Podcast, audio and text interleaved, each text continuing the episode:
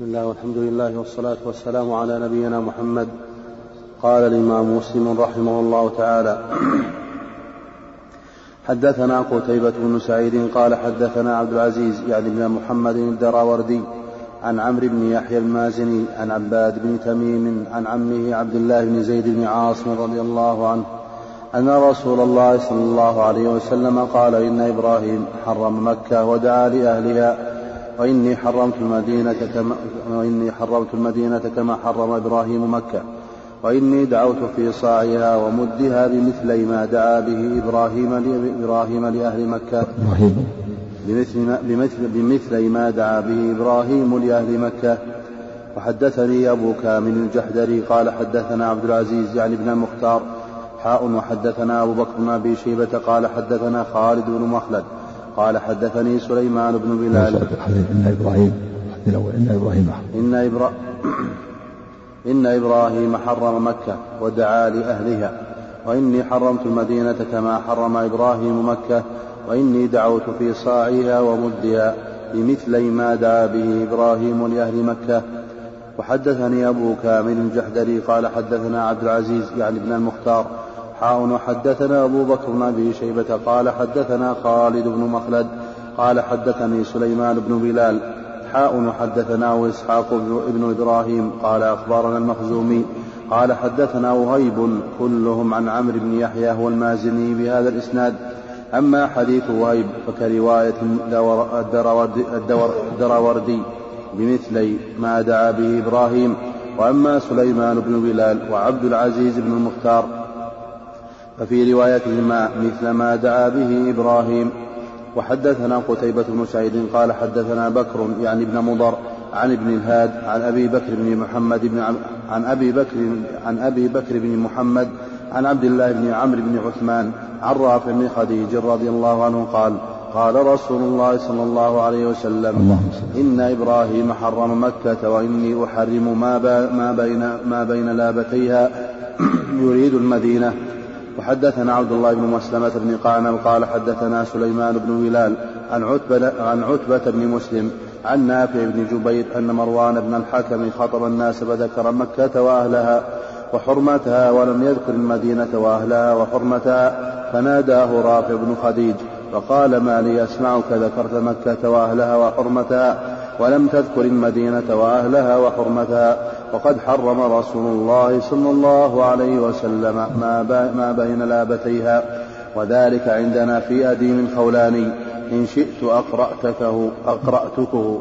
أقرأتكه. إن شئت أقرأتكه قال فسكت مروان. ثم قال قد سمعت بعد بعض ذلك.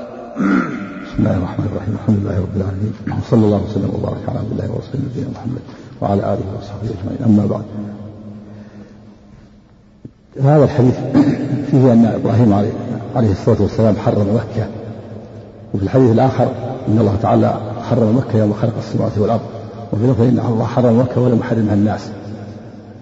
والجمع بينهما أن الله سبحانه وتعالى حرم مكة يوم خلق السماوات والأرض. وأما إبراهيم فإنه أظهر تحريمها. هو الذي أظهر تحريمها بأمر الله له. وإلا فإن تحريمها سابق قبل خلق إن الله حرم يوم خلق السماوات والأرض يوم خلق الله السماوات والأرض الله حرم مكة. جعلها بلدا حراما. قضى سبحانه وتعالى شرع بأن بأن هذا البلد وهي مكة حرام. له حرمة.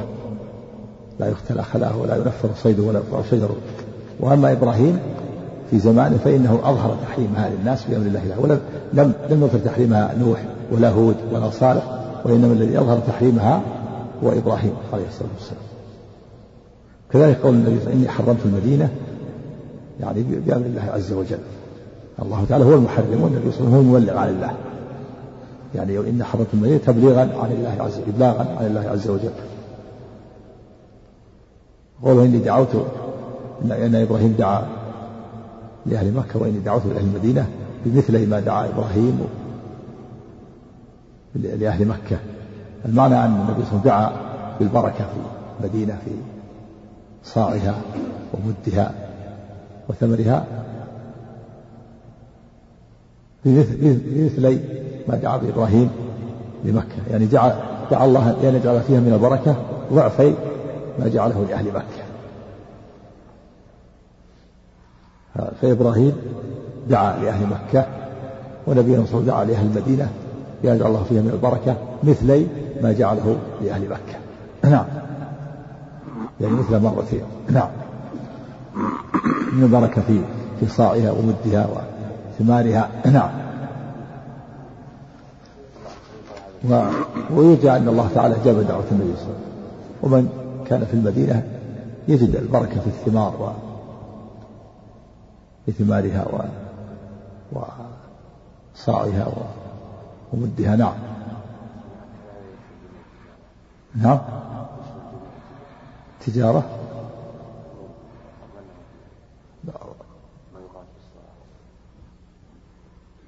البركة تكون يعني في في الطعام وفي الأطعمة وفي الثمار. مسألة التجارة شيء آخر. نعم. نعم. حدثنا حدثنا أبو بكر بن أبي شيبة وعمر الناقد وكلاهما عن أبي أحمد. قال أبو بكر حدثنا محمد بن عبد الله الأسدي. قال حدثنا سفيان. قال الأسدي والأسدي. والأزدي السكون ضبطها الشارع. نعم الأسدي والأزدي شوف نعم. تقريبا. نعم. نعم. حدثنا أبو بكر بن أبي شيبة وأمر الناقد كلاهما عن أبي أحمد. قال أبو بكر حدثنا محمد بن عبد الله الأسدي. قال حدثنا سفيان عن أبي الزبير عن جابر رضي الله عنهما قال قال النبي صلى الله عليه وسلم إن إبراهيم حرم مكة وإني حرمت المدينة ما, ما بين لابتيها. نعم ما بين لابتيها وهما الحرتان الشرقية والغربية. هذا حدود الحرم الحرم حرم المدينة ما بين لابتيها وهما الحرتان هذا من جهة الشرق والغرب. وأما من جهة الشمال والجنوب ما بين عير إلى ثور كما في الحديث الآخر. حرمها وحرمها بريد في بريد. طول الحرم. بريد في بريد. والبريد أربعة فراسخ. والفرسخ ثلاثة أميال والميل ما قال كيلو نص تقريبا أو ثلثين أو كيلوين إلا ثلث. نص تقريبا. حرمها بريد في بريد. من عير إلى ثور. ثور جبل صغير خلف أحد. هذا من جهة الجنوب والشمال. من جهة الشرق والغرب ما بين اللابتين. وهي أرض تركبها حجارة سود. فيكون بريد في بريد من مسجد النبي صلى الله عليه وسلم من جميع الجهات. من جميع الجهات من كل جهة بريد في بريد من مسجد النبي صلى الله عليه وسلم. نعم.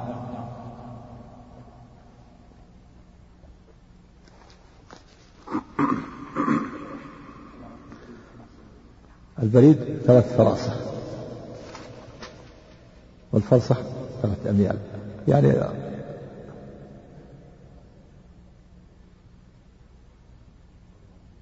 والميل تقريبا كيلو ونص. نعم. لكن أقل مسافة القصر أربعة ورد يصير ربع مسافة القصر يعني. مسافة القصر أربعة ورد هذا بريد في بريد. نعم.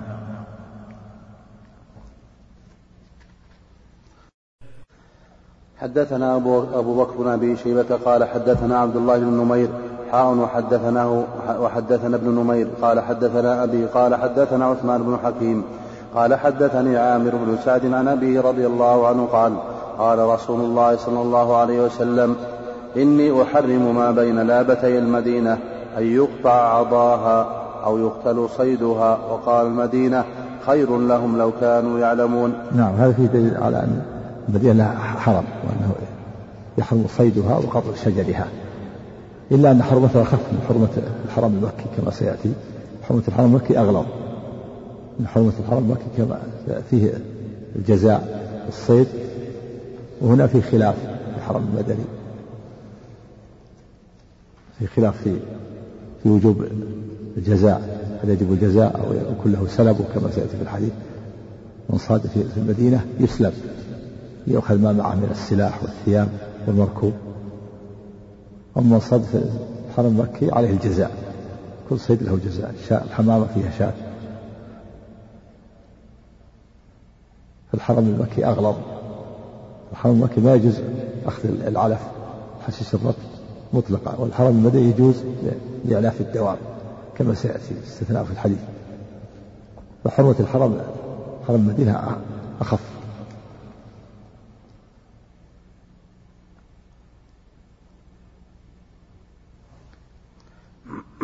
إذا قيل البريء أربعة فراسخ والفرسخ ثلاثة أميال والميل كيلو ونصف ثلاثة في أربعة واثنى عشر اثنى عشر ميل. نعم. 18 قريب من 18 كيلو أو 20 كيلو. نعم. شمالا وجنوبا وغربا. نفس النبي صلى الله عليه وسلم من الجهات لكن في هنا الشرق والغرب ما بين اللابتين.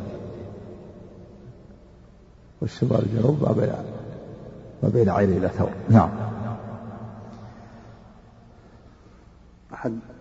عن عن عن عن عامر حدثني عامر بن سعد عن أبيه قال قال رسول الله صلى الله عليه وسلم إني أحرم ما بين لابتي المدينة أن يقطع عضاها أو يقتل صيدها. وقال المدينة خير لهم لو كانوا يعلمون. نعم. الواحد الشجر قطع الشجر. في دليل على تحريم قطع الشجر تحريم قتل الصيد في المدينة. إذا قال إنه يحرم المدينة أن يقطع عضاها وأن يقتل صيدها وأن ينفر صيدها. نعم. يدل على تحريم قطع الشجر قتل الصيد في حرم في حرم المدينة. نعم. حرم مسجد النبي صلى الله عليه وسلم. نعم. وليس في الدنيا حرم إلا حرمان. على الصحيح. حرم المدينة حرم المكي والحرم المدني. واختلف في حرم ثالث وهو وادي وج في الطائف. فقيل إنه حرم والصواب أنه ليس بحرم. وأما ما يقول بعض الناس إن المسجد الأقصى له حرم فهذا غلط. حرم المسجد الأقصى أو الحرم المسجد الابراهيمي ليس بحرم. كذلك ما يقول بعض الناس ثالث الحرمين الشريفين هذا من أخطاء الشاعره ولكن يقال ثالث المسجدين. ما يقال ثالث الحرمين. لأن معنى ثالث الحرمين جعل الحرم الثالث. المسجد الأقصى ما ليس له حرم. إنما الحرم خاص بالمسجد الحرام والمسجد والمسجد النبوي. نعم. لا يدعها أحد رغبة عنها إلا أبدل الله فيها. أول الحديث قال رسول الله صلى الله عليه وسلم إني أحرم ما بين لابتي المدينة. أن يقطع عضاها أو يقتل صيدها. عن من؟ الصحابي. عن عامر بن سعد عن أبي عن أبي سعد بن أبي وقاص. نعم. قال رسول الله صلى الله عليه وسلم إني أحرم ما بين لابتي المدينة أن يقطع عضاها أو يقتل صيدها. وقال المدينة خير لهم لو كانوا يعلمون. لا يدعها أحد رغبة عنها إلا أبدل الله فيها من هو خير منه. ولا يثبت أحد على لأوائها وجهدها إلا كنت له شفيعا أو شهيدا يوم القيامة. نعم. هذا فيه عندما خرج من المدينة رغبة عنها فإن الله يبدله بخير منه. بهذا القيد رغبة منها. لكن من خرج ليس, ليس رغبة عنها. هذا بس الصحابة خرجوا إلى الأمصار ينشرون دين الله ويدعون إلى الله وينشرون الإسلام. لا رغبة عنها ولكن رغبة من أجل النفع والدعوة إلى الله والتبليغ تبليغ العلم والشرع. فمن خرج منها رغبة عنها بهذا القيد أبدله الله خيرا منها. ولا يفوز على لأوائها وشدتها يقول إلا كنت له شفيعا أو شهيدا يوم القيامة. هذه بشارة لمن صبر من أهل المدينة على لأوائها الشدة والمشقة والصبر لكن هذا مقيد هذا سبب يعني سبب في الشفاعة. ولا السبب لا بد له من الأسباب الأخرى المعينة ولا بد من انتفاء الموانع يعني لا بد أن يكون مسلم مؤمن. هذا معروف من أصول الشريعة وقواعدها. سيأتي في الأحاديث إذا كان مسلما نص عليه. يعني لابد يكون مسلم. أما إذا كان مسلم ما, ينفع. صبره على الدعوة والشدة. لابد يكون مؤمن بالله ورسوله. ولا بد أن يكون أدى الفرائض وانتهى عن الكبائر. يقول النصوص يضم بعضها إلى بعض. يقول الله عز وجل إن تجتنبوا كبائر أو تنهون كفر عن أما إذا كان مصر على الكبائر فلا بد له من توبة. إذا كان مسلم كبير متوعد متوعد بالنار.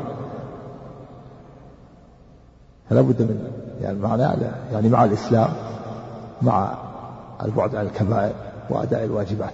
نعم. نعم. في خلاف بين العلماء من العلماء قال مجاورة في مكة أفضل رحمك الله. ومن قال مجاورة في المدينة أفضل. والأرجح أن المجاورة في مكة أفضل. ورجح شيخ الإسلام ابن تيمية رحمه الله بأن الأفضل في المكان الذي تجده أصلح لقلبك. لأنه يقول قد تكون مثلا في مكة وفي المدينة لكن ما تجد ما تجد من يعينك على الخير وعلى الطاعة. وتكون في مكان آخر تجد من على الدعوة والتعلم وتعلم العلم وتعليمه والدعوة إلى الله فيكون أفضل. ما كان أنفع لقلبك أصلا. وهذا صحيح كلام شيخ الإسلام مشاهد ولكن المجاورة في مكة أفضل. ولهذا جاور كثير من العلماء على الصحيح. بعض من العلماء من فضل المجاورة في المدينة. قال إن المجاورة في المدينة تذكر بحال النبي صلى الله عليه وسلم وبسيرته. وينزل وكذلك أيضا السكن في منازل الصحابة ويذكر بحالتهم والسير على منهاجهم. نعم. كنت له شفيعا أو شهيدا أو هذه التخيير؟ قال بعضهم التخيير قال بعضهم انها للشك. قال بعضهم انها ليست للشك وإنما يحمل على انه كنت لبعضهم شهيدا ولبعضهم شفيعا من يحتاج الشفاعة يقول. قال بعضهم شفيعا للعصاة وشهيدا للمطيعين. نعم. وحدثنا ابن أبي عمر قال قال حدثنا مروان بن معاوية قال حدثنا عثمان بن حكيم الأنصاري قال أخبرني عامر بن سعد بن أبي وقاص عن أبيه رضي الله عنه أن رسول الله صلى الله عليه وسلم قال ثم ذكر مثل حديث ابن نمير وزاد في الحديث ولا يريد أحد أهل المدينة بسوء إلا إلا أذابه الله في النار إلا أذابه الله في النار ذوب الرصاص أو ذوب الملح في الماء. نعم هذا وعيد شديد على من أراد المدينة بسوء وكذلك من أراد غيرها من أراد مكة فهو أشد. كل من أراد المسلمين فهو عليه وعيد شيء بسوء وعليه وعيد شيء. لكن هذا آكد في حق أهل المدينة لما لها من الخصوصية. نعم. هذا في الدنيا في الآخرة. هذا في الدنيا. في الآخرة متوعد بالعذاب. نعم. وحدثنا إسحاق بن إبراهيم وعبد بن حميد جميعا عن العقدي قال عبد أخبرنا عبد الملك بن عمرو. قال حدثنا عبد الله بن جعفر عن إسماعيل بن محمد عن عامر بن سعد أن سعد رضي الله عنه ركب إلى قصره بالعقيق فوجد عبدا يقطع شجرا أو يخبطه فسلبه. فلما رجع سعد جاءه أهل العبد فكلموه فكلموه أن يرد على.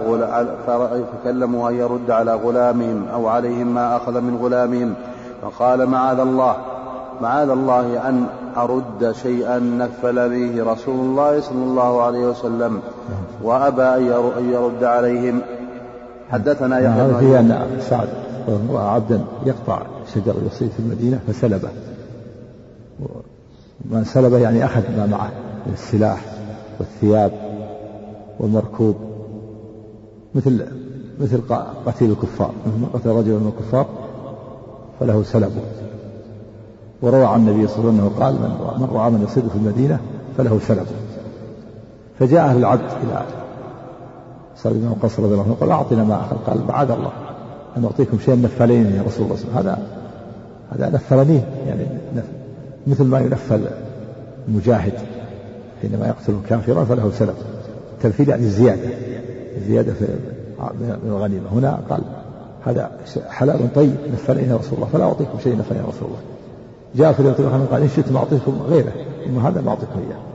هذا يا رسول الله فلا أعطيكم لكن أعطيكم ثمنه أعطيكم شيء آخر ممكن. أما هذا الذي السلب هذا شيء حلال يا رسول الله فلا أعطيكم إياه. وهذا إذا كان إذا كان عالم أما إذا لم يكن عالم فنستدل على أنه أنه يكون معذور إذا لم يعلم الحكم لا يعلم بالحكم الشرعي. وهذا إذا لم يترتب على هذا مفسدة. لأنك إذا رأيت من يصيد ثم أخذت ثيابه وسلاحه وسيارته مركوبة حصل مفسدة حصل قد قد يقاتله وقد لا يعطيه. فإذا كان يحصل مضرة فإنه يرفع الدعوة إلى المحكمة ويثبت أنه رآه يصيد ويعطى سلبه تكون خصوبة لكن هذا صحابي هو صحابي جليل. ويروي الحديث عن النبي صلى الله عليه وسلم ف وسلب هذا العبد. فلا فلا يخشى من المفسدة. لكن إذا خشي المفسدة فإنه يدرأ المفسدة كما دل على ذلك النصوص الأخرى أن الدرء المفاسد مقدم على جلب المصالح إذا كان إذا أخذ سلبه يفضي إلى أنه يقاتله أو كذا ويأخذ عليه السلاح أو كذا فلا يأخذ حتى وإنما يرفع أمره إلى المحكمة ويطالب بحقه. بل هذا حق. نعم. حدثنا يحيى بن أيوب وقتيبة بن سعيد وابن حجر. وهذا استدل به بعض أهل العلم على أن من قطع شجرة أو صار في المدينة فإن عليه عقوبته أن يسلم يؤخذ ما معه من السلاح وليس فيه جزاء. قال آخر من العلم فيه جزاء مثل حرم مكة. الصيد فيه جزاء والشجر فيه جزاء. وقال آخرون ليس عليه جزاء. وقيل له السلم والأرجح كما دل على أن له سلب له سلب. يعني يأخذ ما معه من السلاح والمركوب والنفقة. نعم. حدثنا يحيى يحيى بن أيوب وقتيبة بن سعيد وابن حجر جميعا عن إسماعيل. جميعا عن إسماعيل قال ابن أيوب حدثنا إسماعيل بن جعفر قال أخبرني عمرو بن أبي عمرو مولى المطلب بن عبد الله بن حنطب أنه سمع أنس بن مالك رضي الله عنه يقول قال رسول الله صلى الله عليه وسلم قال رسول الله صلى الله عليه وسلم لأبي طلحة التمس لي غلاما من, غلام من غلمانكم يخدمني. فخرج بي أبو طلحة يردفني وراءه فكنت أخدم رسول الله صلى الله عليه وسلم. كلما نزل وقال في الحديث ثم أقبل حتى إذا بدا له أحد قال هذا جبل يحبنا ونحبه. فلما أشرف على المدينة قال اللهم إني أحرم ما بين اللهم إني أحرم ما بين جبليها مثل ما حرم به إبراهيم مكة. اللهم بارك. لهم في مثلي اللهم إني أحرم ما بين جبليها. إني أحرم ما بين جبليها مثل ما حرم به إبراهيم مكة. مثلي؟ مثل. نعم. نعم. مثل ما حرم به إبراهيم مكة. اللهم بارك لهم في مدهم وصاعهم. نعم هذا فيه فيه أن جبل أحد جعل الله فيه من الإحساس. ما يحب إنه يحب المسلمين وهم يحبونه ولذلك قال إن جبل أحد جبل يحبنا ونحبه. والصواب أن هذا على ظاهره خلافا لمن تعوله. الله تعالى جعل فيه من الإحساس. كما قال الله تعالى الجبال يكون فيها إحساس يجعل الله فيها إحساس. وإن منها لما يشقق فيخرج منه الماء وإن منها لما يهبط من خشية الله. يعني تهبط من خشية الله هنا جعل الله فيها الإحساس المحبة. قال تعالى وإن من شيء لا يسبح بحمده ولكن لا تحقون تسبيحه. ثبت أن النبي صلى الله عليه وسلم حن له جذع وسبح الطعام في يده. قال عز إني لا أعلم حجرا مكة يسلم عليه. فكذلك هذا الجبل أحد جعل الله فيه على ظاهره خلافا لمن تأوله. وفيها النبي صلى الله عليه وسلم دعا لأهل المدينة. اللهم بارك في صاعهم ومدهم. قال إن إبراهيم دعا لها وإني دعوت لاهل المدينة. نعم. قال إنه حرم ما بين ما بين جبليها في لفظ المعزمين وهما جبل عير وثور جهة الشمال والجنوب. أما الشرق والغرب ما بين اللابتين كما سبق. نعم. وحدثنا وحد وحدثنا وحدثنا سعيد بن منصور وقتيبة بن سعيد قال حدثنا يعقوب وهو ابن عبد الرحمن القاري عن عمرو بن عن عمرو بن عن عمرو بن أبي عمرو عن أنس بن مالك رضي الله عنه عن النبي صلى الله عليه وسلم بمثله غير أنه قال إني أحرم ما بين لابتيها وحدثناه حامد بن عمر قال حدثنا عبد الواحد قال حدثنا عاصم قال قلت لانس بن مالك رضي الله عنه أحرم رسول الله صلى الله عليه وسلم المدينة؟ قال نعم ما بين كذا إلى كذا. فمن أحدث فيها حدث ثم قال ثم قال قال ثم قال لي هذه شديدة. من أحدث فيها حدثا فعليه لعنة الله والملائكة والناس أجمعين. لا يقبل الله منه يوم القيامة صرفا ولا عدلا. قال فقال ابن أنس أو آوى محدثا. نعم هذا وعيد شديد. على من أحدث من حدثا وهي البدع والمعاصي. عليه لعنة الله والملائكة والناس أجمعين. يدل على أن المعصية في المدينة من الكبائر. لأنه توعد باللعن في الآخرة. لا يقبل الله منه صرفا ولا عدلا المراد بالصرف الفريضة والعدل النافلة. وقيل غير ذلك. وقيل لا يقبل منه فدية. وفي الدنيا أذابه الله كما الرصاص في الماء إذا ما في الدنيا متوعد بأن يذيبه الله. هذا من من كاد المدينة وردها بسوء. ولهذا فإن يزيد بن معاوية ما عاش بعدها إلا أشهر. بعد لما لما استباح المدينة عاش بعدها أشهر. فمن أحدث في المدينة وهو محدثا فعليه هذا الوعيد الشديد. لعنة الله والملائكة والناس يدل على أن هذا من الكبائر. أن فعل المدينة أن فعل المعصية في المدينة من الكبائر. وفي مكة أشد. قال الله تعالى ومن يرد فيه بإلحاد بظلم يذقه من عذاب أليم. ولهذا ابن عباس سكن في الطائف وخاف. قال أخشى. سكن في الطائف انتقل إلى مكة قال إنه حرم والحرم شديد أمره مغلظ والمعصية فيها مغلظة فلهذا انتقل إلى الطائف. نعم. سكن الطائف. نعم.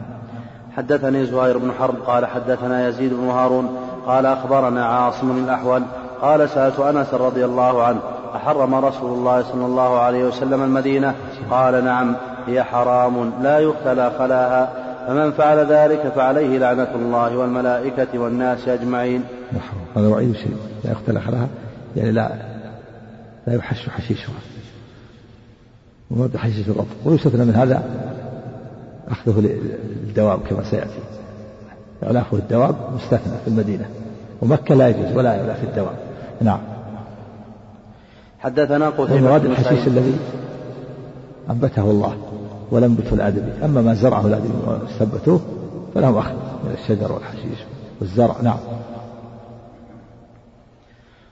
حدثنا قتيبة بن سعيد عن مالك بن أنس فيما قرئ عليه عن إسحاق بن عبد الله بن أبي طلحة عن أنس بن مالك رضي الله عنه. أن رسول الله صلى الله عليه وسلم قال اللهم بارك لهم في مكيالهم وبارك لهم في صاعهم وبارك لهم في مدهم. يعني أهل المدينة. نعم. وحدثني زهير بن حرب وإبراهيم بن محمد السامي قال حدثنا وهب بن جرير قال حدثنا أبي قال سمعت يونس يحدث عن الزهري عن أنس بن مالك رضي الله عنه قال قال رسول الله صلى الله عليه وسلم اللهم اجعل بالمدينة ضعفي بما بمكة من البركة. نعم. وحدثنا أبو بكر بن أبي شيبة وزهير بن حرب وأبو كريب جميعا عن أبي معاوية. قال أبو كريب حدثنا أبو معاوية قال حدثنا الأعمش عن إبراهيم التيمي. عن أبيه قال خطبنا علي بن أبي طالب فقال من زعم أن عندنا شيئا نقرأه إلا كتاب الله وهذه الصحيفة. وقال قال, وصحيفة معلقة في قراب سيفه فقد كذب فيها فقد, فقد كذب. فيها أسنان الإبل وأشياء من الجراحات وفيها قال قال وفيها قال النبي صلى الله عليه وسلم المدينة حرم ما بين عير إلى ثور. فمن أحدث فيها حدثا أو آوى محدثا فعليه لعنة الله والملائكة والناس أجمعين. لا يقبل الله منه يوم القيامة صرفا ولا عدلا. وذمة المسلمين واحدة يسعى بها أدناهم. ومن ادعى إلى غير أبيه أو انتمى إلى غير مواليه فعليه لعنة الله والملائكة والناس أجمعين. لا يقبل الله منه يوم القيامة صرفا ولا عدلا. وانتهى حديث أبي بكر وزهير عند قوله يسعى بها أدناهم. ولم يذكر ما بعده وليس في حديثهما معلقة معلقة في معل وليس في حديثهما معلقة في قراب سيفه. وهذا فيه الرد على الرافضة والشيعة الذين يقولون إن إن النبي صلى الله عليه وسلم خص أهل البيت بخصائص وخص عليهم بخصائص ووصايا وأنه أوصى بأنه الخليفة يكون بعده. علي رضي الله عنه قال من, من ادعى أن عندنا شيئا خاصا فقد كذب. ما عندنا إلا كتاب الله وما في هذه الصحيفة. ووجدت الصحيفة فيها شيء من الجراحات وأسنان الإبل وفيها ذمة المسلمين واحدة يسعى بها أدناهم. يعني الأمان والعهد. إذا أمن واحد من المسلمين شخصا من الكفار فلا تغفر ذمته بل تنفذ. تنفذ إجابة إذا جار أحدا أو أمن أحدا. حتى الصبي حتى المرأة والعبد لا إذا أمن شخصا ولهذا لما أمنت آه، أم هانئ أخت علي رضي الله عنه رجلا أجارت رجلا من المشركين وأراد علي أن يقتله. قالت يا رسول الله إن إن ابن أم علي يزعم أنه قاتل رجل أجرته. فقال عليه الصلاة والسلام قد أجرنا من أجرت يا أم هانئ. فالأمان. ذمة مسلم واحد يسعى بها أدناهم. وفي هذه الصحيفة التي مع علي رضي الله عنه فيها المدينة حرم ما بين عين إلى ثور هذا من جهة الشمال والجنوب. جبلان عين إلى ثور جبل صغير مدور ثور خلف أحد. جهة الشمال. وفيها من, من أحدث في المدينة هوى محدثا فعليه لعنة الله وملائكته والناس أجمعين. لا يقول لهم يوم القصاص الوعيد الشديد على من أحدث فيها. وفيها أن من ادعى إلى غير أبيه أو انتبه إلى غير أبيه فعليه لعنة الله وملائكته والناس أجمعين. في وعد الشديد على من ادعى إلى غير أبيه أو انتمى إلى غير مواليه. ادعى إلى غير أبيه ينتسب إلى غير آبائه وأجداده. لأن هذا كفر النعمة يكون مثلا من قبيلة طير فيقول أنا أنا أنا حربي أو أنا من قبيلة كذا. أنكر ينكر قبيلته. ومثل ما يفعل بعض الناس طلع تابعية من هنا تابعية هنا ينتسب حتى يأخذ شيء من المال تابعية من هنا وتابعية من هنا ويجعل له هنا ينتسب وهنا ينتسب. هنا ينتسب إلى مطير وهنا ينتسب إلى سبيع وما أشبه ذلك. هذا عليه الوعيد الشديد. انتسب إلى غير أبيه إلى غير آبائه وأجداده. وهذا كفر بالنعمة. وفيه سبب اختلاط الأنساب يلصق نفسه بقبيلة أخرى غير قبيلته. ينكر آباءه وأجداده وقبيلته. هذا كبير كبير وكذلك من انتمى إلى غير مواليه العبد. إذا انتمى إلى غير مواليه. عبد لقريش فيقول أنا عبد لبني تميم. أو عبد لبني تميم فيقول أنا لقريش. أو لهذيل. أو لمزينة. كذلك هذا كبيرة من كبائر الذنوب. فالحر إذا انتسب إلى غير أبيه إلى غير آبائه وأجداده ارتكب كبيرة من كبيرة عليها الوعيد الشديد. لما فيه من إنكار النعمة وجحود نعمة أبيه وجده لأنه السبب في وجوده ولما فيه اختلاط الأنساب. وكذلك العبد الذي يباع ويشترى إذا هرب أو انتسب إلى غير مواليه هذا كفر بالنعمة. قال العبد من زينة أو من هذيل أو من سبيع يقول من قريش أو من بني تميم وينتسب إلى قبيلة أخرى. قال هذا كفر بالنعمة عليه الوعيد الشديد. نعم. فعلي رضي الله عنه يقول ما عندنا إلا هذا الصحيح. ما عندنا شيء وصايا كما يزعم الرافضة والشيعة أن الله خص عليا بأشياء وأن وأن وأن علي هو خليفة بعده وأنه نص على اثني عشر خليفة أولهم علي ثم الحسن ثم الحسين ثم الباقي الباقي من اسم الحسين حتى وصل إلى المهدي المنتظر. كل هذا كذب. باطل. ويكذبون على أهل البيت شوهوا تاريخ أهل البيت الشيعة والرافضة. صاروا يكذبون ويضعون الحديث يقول يضعون الحديث أنا أنا مدينة العلم وعلي بابها. وفاطمة علاقته والحسن والحسين خيوطه هذا حديث مكذوب قالوا أنا مدينة العلم وعلي باب العلم. جعلوا يعني جعلوا كأنه كأنه ميزان. جعلوا علي هو هو الباب. وكذا فاطمة العلاقة وحسن حسن الخيوط. كل هذا من أكاذيب الشيعة وافتراءاتهم هذه أنكر عليهم. ما عندنا إلا كتاب الله. وما في هذه الصحيفة. والصحيفة ما فيها إلا أسنان الإبل والجراحات وتحديد المدينة ما بين عين إلى ثور ومن أو, أو, أو فيها محدثا. فقد فعليه الوعيد الشديد. ومن كذلك انتسب إلى غير أبيه أو انتبه إلى غير مواليه من العبيد فعليه الوعيد الشديد. هذا الذي عند عند علي وأهل البيت. ما عندهم شيء خاص. نعم. والجواف الآخر ما عندنا إلا كتاب الله أو فهما يعطيه الله من شاء من عباده أو يعطيه رجلا. يعني ما عندنا إلا كتاب الله وكذلك الفهم الذي يعطيه الله بعض الناس فيفهم عنده فهم في القرآن في النصوص الكتاب والسنة. هذا في الرد على الشيعة والرافضة الذي يقول أن أهل البيت خصوا بخصائص وأن لهم خصائص وأن لهم وصايا. لا تكون لغيرهم من الناس وأن علي خص بأنه الخليفة وأن خلافة في ذرية علي ذرية الحسين كل هذا باطل. نعم. نعم. وحدثني وحدثني علي بن حجر السعدي قال أخبرنا علي بن مسهر.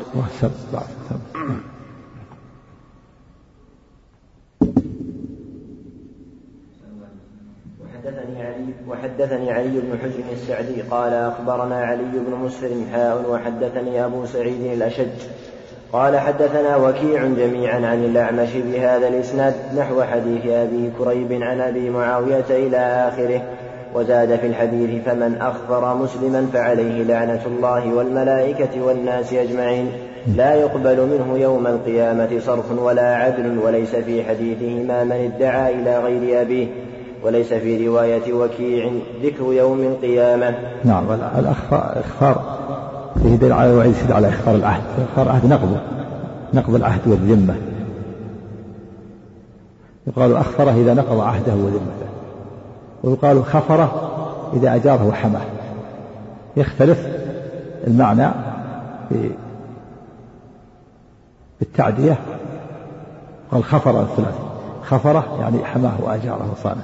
وأخفره نقض عهده وذمته. الفرق بينهما الهمزة. وهو ضد خفر وأخفر.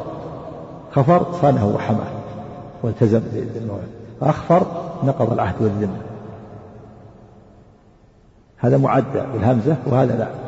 ثلاثي خفر وهذا معد به أخفر. فمن أخفر يعني نقض عهده وذمته وإجارته وأمانه فعليه الوعيد الشديد. نعم. أحسن الله عليك وحدثني عبد الله بن عمر القواريري ومحمد بن أبي عبيد الله. عبد الله؟ عبد الله عفوا لا عبيد الله. عندكم؟ لا ما عبيد الله. عبيد الله بن القارية شوف عندك نعم عبيد الله. وحدثني عبيد الله بن عمر القواريري ومحمد بن أبي بكر المقدمي قال حدثنا عبد الرحمن بن مهدي قال حدثنا سفيان عن الأعمش بهذا الإسناد نحو حديث ابن مسهر ووكيع إلا, إلا قوله من تولى غير مواليه وذكر اللعنة له. حدثنا أبو بكر بن أبي شيبة قال حدثنا حسين بن علي الجعفي عن زائدة عن سليمان عن أبي صالح عن أبي هريرة رضي الله عنه عن النبي صلى الله عليه وآله وسلم قال المدينة حرم فمن أحدث فيها حدثا أو آوى محدثا فعليه لعنة الله والملائكة والناس أجمعين. لا يقبل لا يقبل منه يوم القيامة عدل ولا صرف. هذا يدل على الوعيد الشديد. المحدث حدث من البدع والمعاصي أو أوى المحدثين أو أهل البدع أو أواهم. وحماهم. فإن عليه هذا الوعيد الشديد كبيرة. عليه رحمة الله وملائكته لا يقبلون صرف ولا عدل لا نافلة ولا فريضة. صرف فريضة النافلة وقيل بالعكس. وقيل العدل الفداء. يعني لا يقبلون فدية. يعني لا لا يقبلون فدية يفتدي من عذاب الله. بل عليه الوعيد الشديد. نعم. أحسن الله عليك والواجب البراءة من البدع وأهل البدع وعدم إيوائهم والتستر عليهم. نعم. أحسن الله عليك. في أي مكان ولا سيما في في المدينة. نعم. أو في مكة فأمره أشد وأغلب نعم. وحدثنا أبو بكر ابن النضر ابن النضر ابن أبي النضر قال حدثني أبو النضر قال حدث قال حدثني عبيد الله الأشجعي عن سفيان عن الأعمش بهذا الإسناد مثله ولم يقل يوم القيامة وزاد وذمة المسلمين وذمة المسلمين واحدة يسعى بها أدناهم فمن أخفر مسلما فعليه لعنة الله والملائكة والناس أجمعين لا يقبل منه يوم القيامة عدل ولا صرف. وحدث وحدثنا يحيى بن يحيى قال قرأت على مالك عن ابن شهاب عن سعيد بن المسيب عن أبي هريرة رضي الله عنه أنه كان يقول لو رأيت الظباء ترتع بالمدينة ما دعرتها قال رسول الله صلى الله عليه وسلم ما بين لابتيها حرام. وحدثنا إسحاق لو رأيت الظباء جمع ظبي وهي الصيد ترتع في المدينة ترعى ما دعرتها يعني ما كفرتها لقول النبي صلى الله عليه وسلم المدينة حرم ما بين عائلنا يعني أنها الصيد ما يصاد حرم المدينة ولا ينفر حتى ما ينفر. ولهذا قال أبو هريرة لو رأيت الظباء ترتع ما نفرتها. ما دعرتها يعني ما نفرتها. تركتها ترعى مرتاحة آمنة. لماذا؟ لأنها في حرم آمن. ليقول النبي المدينة حرم ما بين عين إلى ثور. من جهة جنوب الشمال. نعم. أحسن الله عليك وحدثنا إسحاق بن إبراهيم ومحمد بن رافع وعبد بن حميد قال إسحاق أخبرنا عبد الرزاق قال حدثنا معمر عن الزهري عن سعيد بن المسيب عن أبي هريرة رضي الله عنه قال حرم رسول الله صلى الله عليه وسلم ما بين لابتي المدينة. قال أبو هريرة فلو وجدت الظباء ما بين لابتيها ما ذعرتها وجعل اثني عشر ميلا حول المدينة حمام نعم هذا هذا ما بين لابتيها والحديث الأول حديث ما بين عين إلى ثور وما بين لابتين الشر وجعل حول المدينة اثني عشر؟ نعم. اثني عشر ميلا. اثني عشر ميلا من باب حتى يتجاوز الحرم. اثني عشر ميل. كم قارب؟ يعني 18 كيلو. يعني يعني كما سبق بريد نعم. أحسن الله عليك حدثنا قتيبة بن سعيد عن مالك بن أنس. تكلم عن قوله جعل حول المدينة 12 ميلا تكلم عن الشارح أو في حاشية ثانية. لم يتكلم عنه. يعني جعل حول المدينة 12 ميل حمى. يعني كان حمى حتى يتجاوز الحرم. يعني كأنه إذا أراد أن أن يصيد أو أو يقطع شجر يتجاوز 12 ميل جعل حمى. حتى يتحقق أنه تجاوز الحرم تعدى الحرم. نعم. الله عنك. قال عبيد الله بن عمرو بن ميسر القواريري أبو سعيد البصري.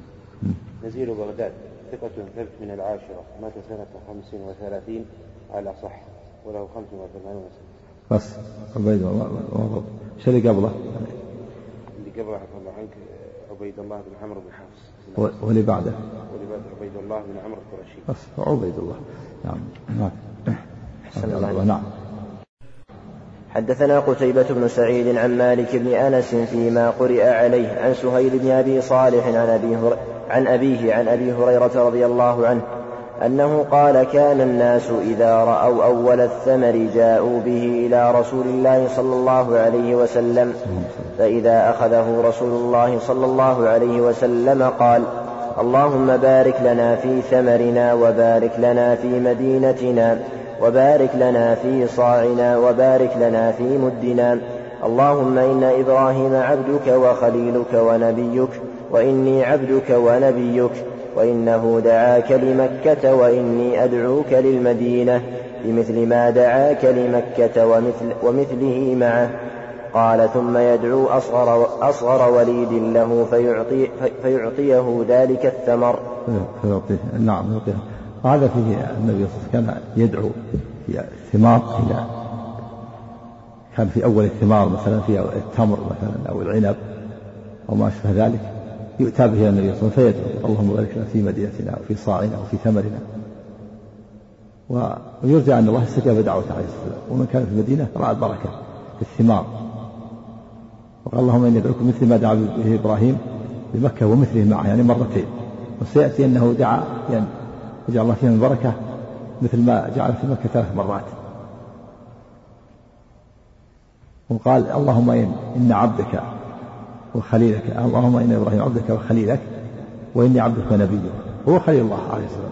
لم يقل أنا وخليلك إما تواضعا مع مع جده إبراهيم أو لأن الله لم يعلمه ثم أعلمه بعد ذلك أنه خليل الله. نبينا خليل الله كما إن إبراهيم خليل الله. دل عليك الحديث الآخر. قال إن الله اتخذني خليلا كما اتخذ إبراهيم خليلا.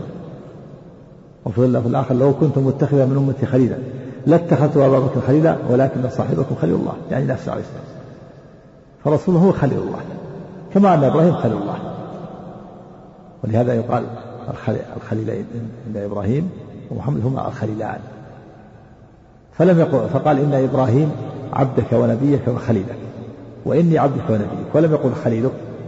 تواضعا إما تواضع مع جده إبراهيم أو لأن الله لم يعلم أن الله اتخذ أنه اتخذ خليل ثم أعلمه بعد ذلك. والخلة أعلى درجة من المحبة نهاية المحبة والكمال. يسمى الخليل خليل لأن محبته تتخلل شغاف القلب وتصل إلى سويدائه. هذا بالنسبة للمخلوق. أما خلة الله فهي صفة من صفاته. سبحانه لا تكيف ولا تمثل لا يشابه المخلوق في صفاته سبحانه وتعالى. والقلب المخلوق لا يتسع لأكثر من خير واحد. ما يتسع. لأكثر من خير واحد. بل يمتلئ القلب بالخير الواحد أما المحبة فيتسع لآخرين. ولهذا فإن النبي صلى الله عليه وسلم أحب كثير. يحب عائشة. ويحب من الرجال لما سئل من أحب الناس؟ قال عائشة. من الرجال؟ قال أبوها. ويحب أسامة وزيد. ويحب جماعة كثيرة أما الخلة ما اتخذ ما اتخذ خليلا. لأن قلبه امتلأ بخلة الله عز وجل. ولهذا قال النبي لو كنت متخذا من أمتي خليلا لاتخذت أبا بكر خليلا ولكن صاحبكم خليل الله. يعني لو كان في قلبي متسع لكان لكان لأبي بكر لكنه لا لا يتسع لا يتحمل القلب أكثر من خليل واحد. قد امتلأ بخلة الله. دل على الخلة أكمل هي نهاية المحبة. ومن هنا الغلط عند بعض الناس بعض الخطباء يقول حبيب محمد حبيب الله صلوا على الحبيب. حبيب الله وخليل الله أعلى هو خليل الله وتجد يقول الحبيب. هذا قاله الحبيب. قاله الخليل. الخلة يعني ينبغي أن يوصف بالخلة. لأنه أخبر عن نفسه أنه خليل الله والخلة أكمل. إذا أردت تعطي النبي منزلته تقول خليل الله خليل الله إن خليل, إن خليل الله محمد صلى الله عليه وسلم. نعم. أحسن الله لكن بعض الكتاب ما يعلم هذا. ويظن بعضهم أن المحبة أكمل من الخلة وهذا غلط. ولهذا يقول بعض الناس إن إبراهيم خليل الله وإن محمدا حبيب الله. هذا من الأغلاط بل محمد خليل الله. إبراهيم خليل الله ومحمد خليل الله. هما الخليلان. نعم. نعم.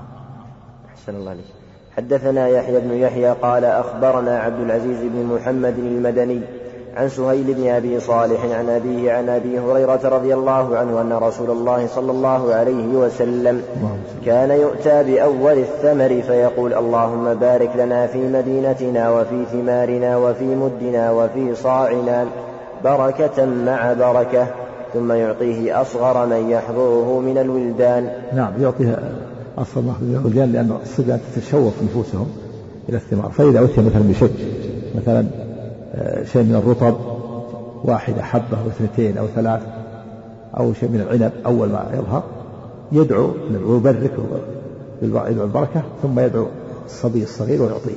إذا كانت واحدة أو إذا كانوا اثنين أو ثلاثة يعطي كل واحد واحد. لأن نفوس الصبيان تتشوف ولا يصبرون بخلاف الكبار فلهذا يعطيه يعطيه الصغار. نعم.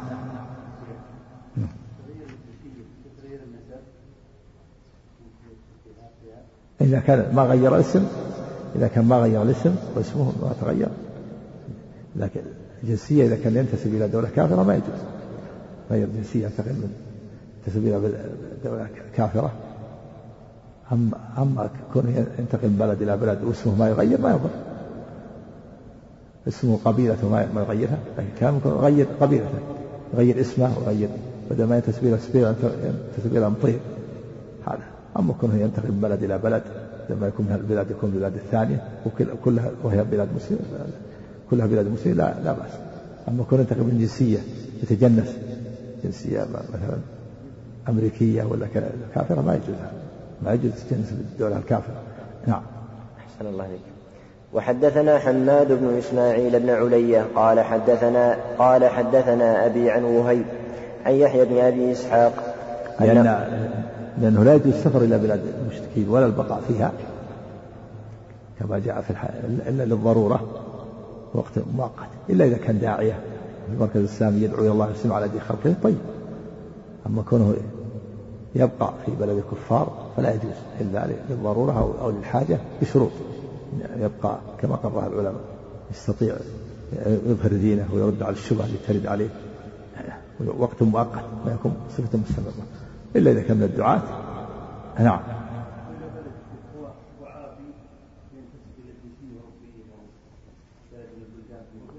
المقصود إذا كانت بلدة كافرة لا ينتسب إلى الكفار.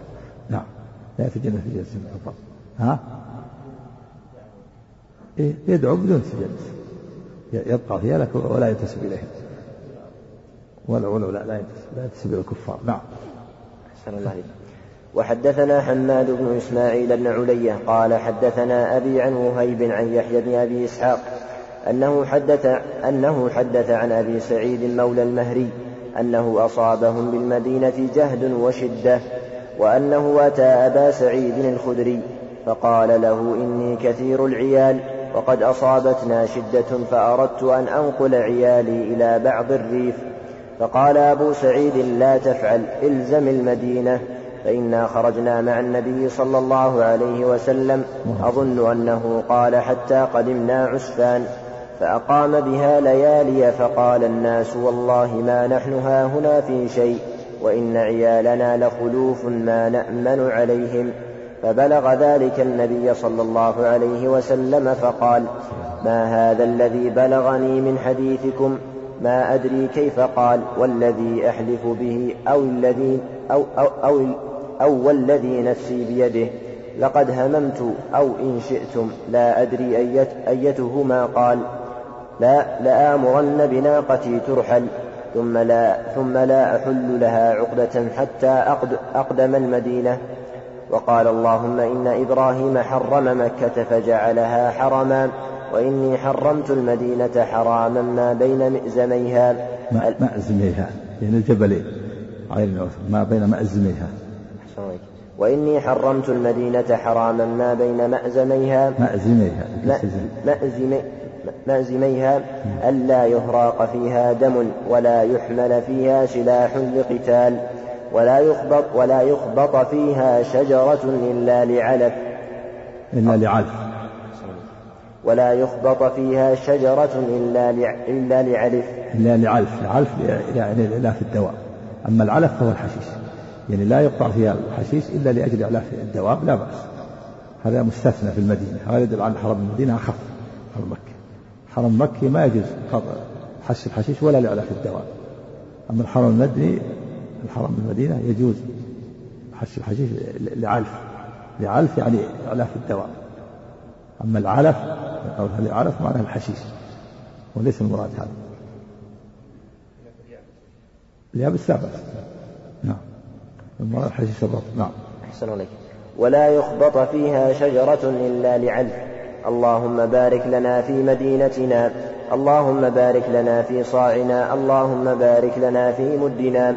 اللهم بارك لنا في صاعنا اللهم بارك لنا في مدنا اللهم بارك لنا في مدينتنا اللهم اجعل مع البركة بركتين والذي نفسي بيده ما, ما من ما من الم ما من المدينة شعب ولا نقب إلا عليه ملكان يحرسان يحرس يحرسانها حتى حتى تقدموا إليها.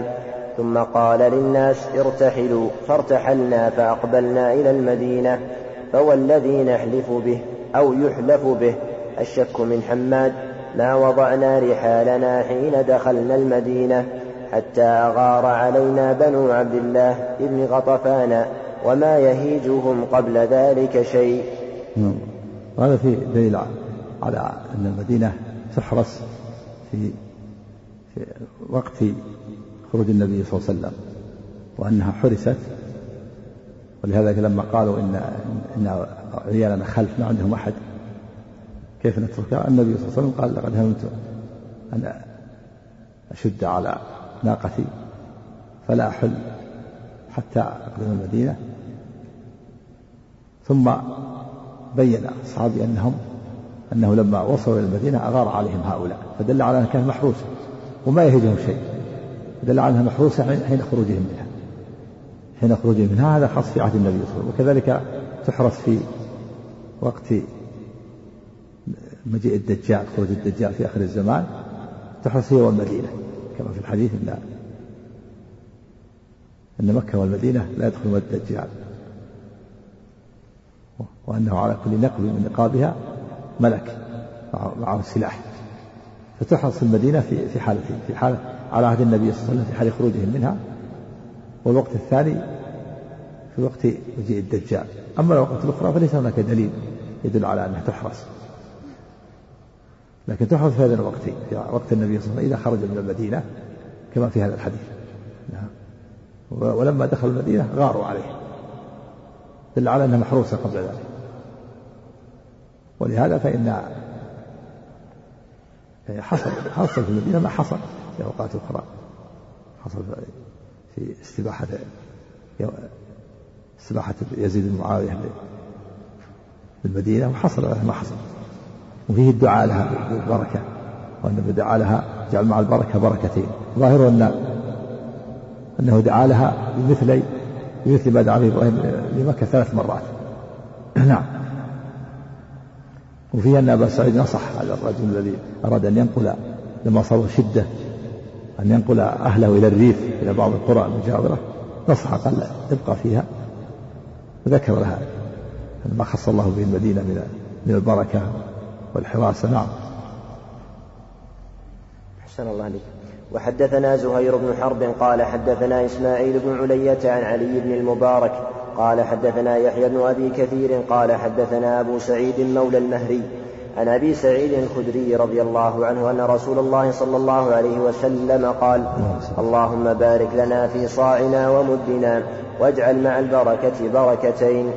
وحدثناه أبو بكر, أبو بكر بن أبي شيبة قال حدثنا عبيد الله بن موسى قال أخبرنا شيبان حاء وحدثني إسحاق, إسحاق بن منصور قال أخبرنا عبد الصمد قال حدثنا حرب يعني, يعني ابن شداد كلاهما عن يحيى بن أبي كثير بهذا الإسناد مثله.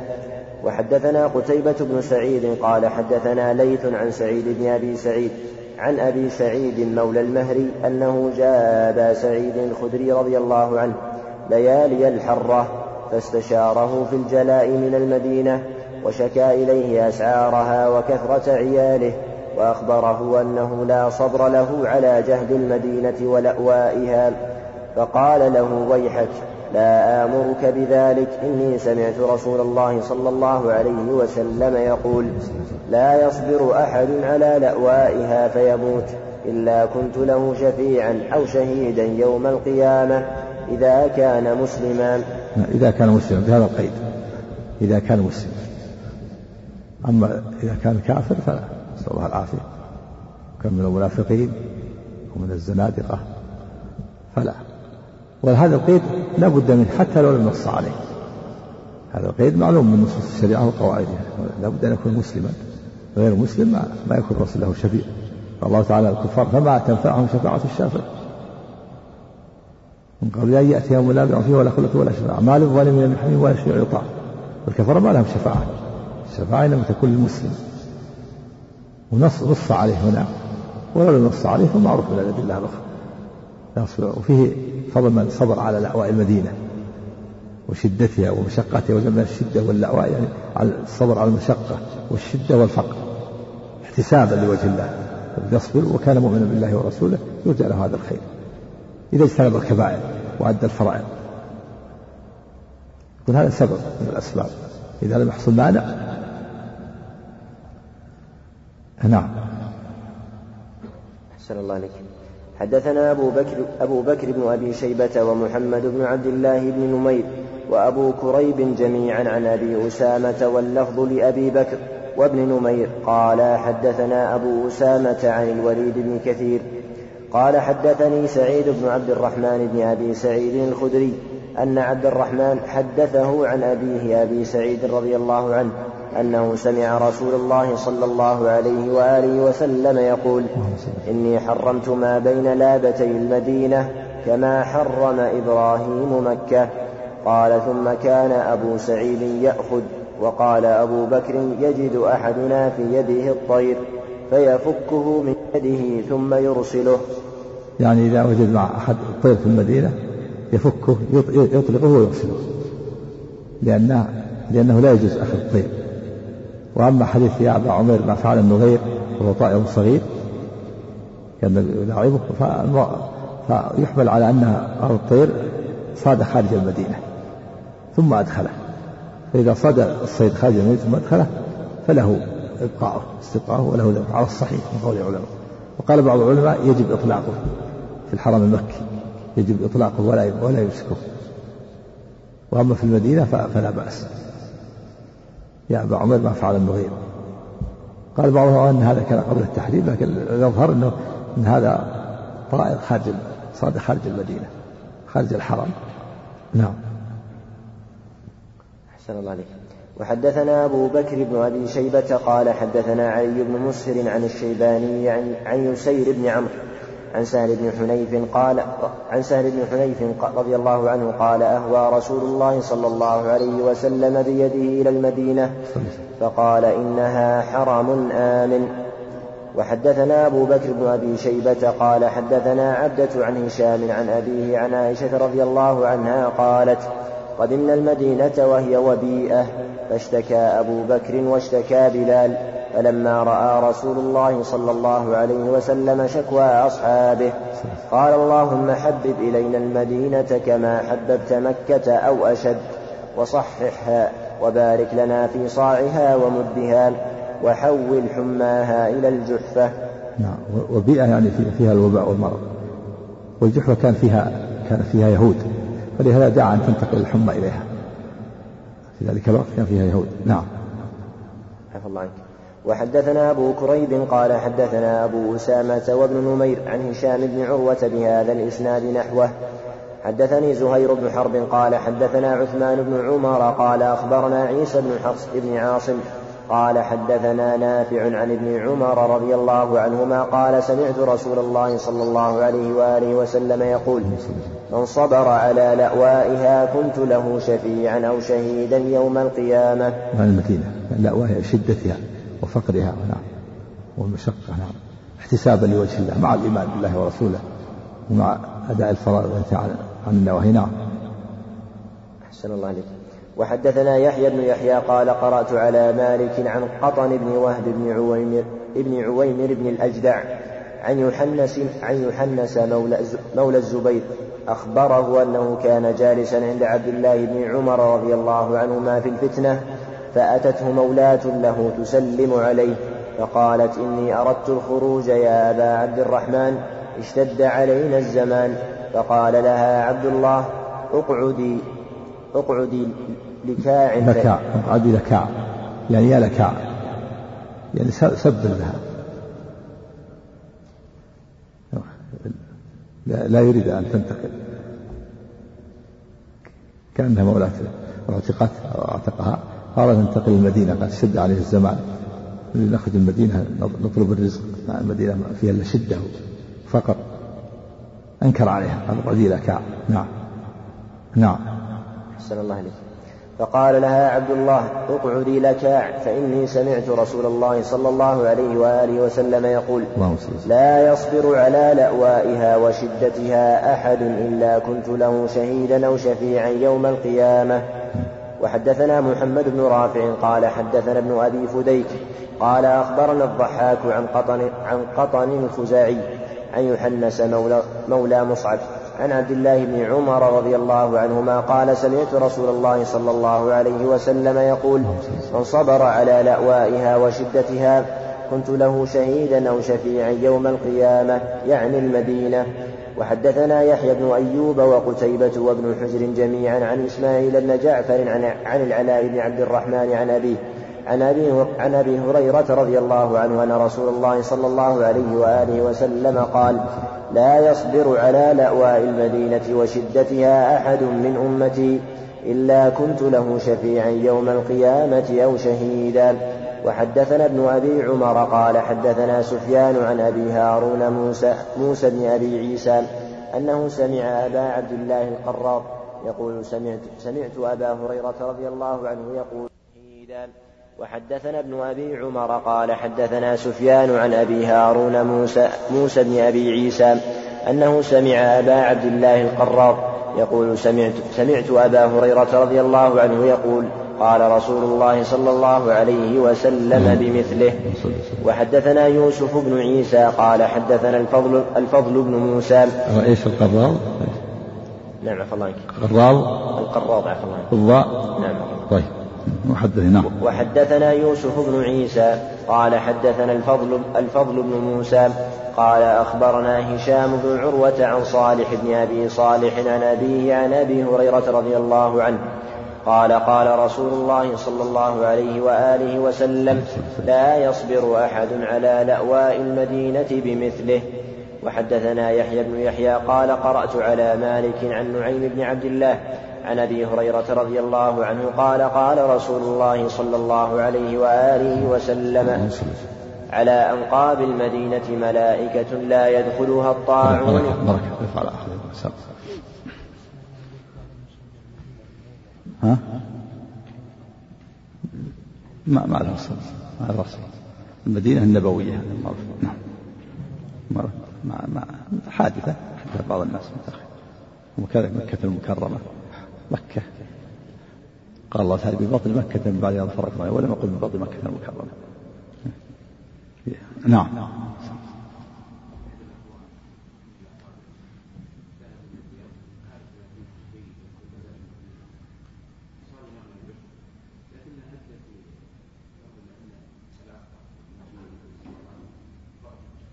ها علاقة إيش؟ علاقة إيش؟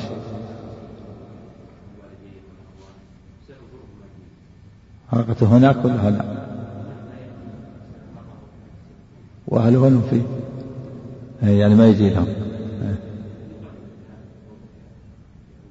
لا بس إذا عاد إذا عاد لا رغبة عن المدينة لا حرج عليه لكن من خرج منها رغبة عنها هذا خرج لمصلحة لمصلحة قربه من أهله لا بأس. أو لأن قلبه أصلح يجد يجد فيه مثلا من يعينه على الطاعة ومن يجد من الدروس العلمية أو غيرها لا بأس. لكن الذي جاء في الحديث من خرج منها رغبة عنها فقط. رغبة عنها زهدا في المدينة نفسها. لا لغرض آخر. الصحابة خرجوا خرجوا إلى الأمصار سكنوا في الكوفة والبصرة ومصر ويعلمون الناس ويدعون إلى الله ويجاهدون. نعم. ها؟ إيه؟ إذا ك... إذا رأى المصلحة أنه ينتقل ينتقل ينتقل. نعم.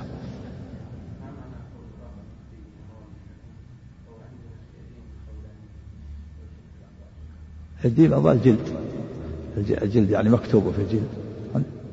هذه بالنسبة الأديب الخولاني بعد هذا يرجع إلى ما تكلم عليها عندك. حاشية. الأديم الأديم الجلد يعني خولاني كان نوع من الأديم الذي ينسب إلى خولان عنه بالنسبة هذا نعم. وصل. الحرم وأدخله هل يختلف المدينة عن مكة يمسكه في المدينة ويطلقه في مكة؟ قال بهذا بعض العلماء.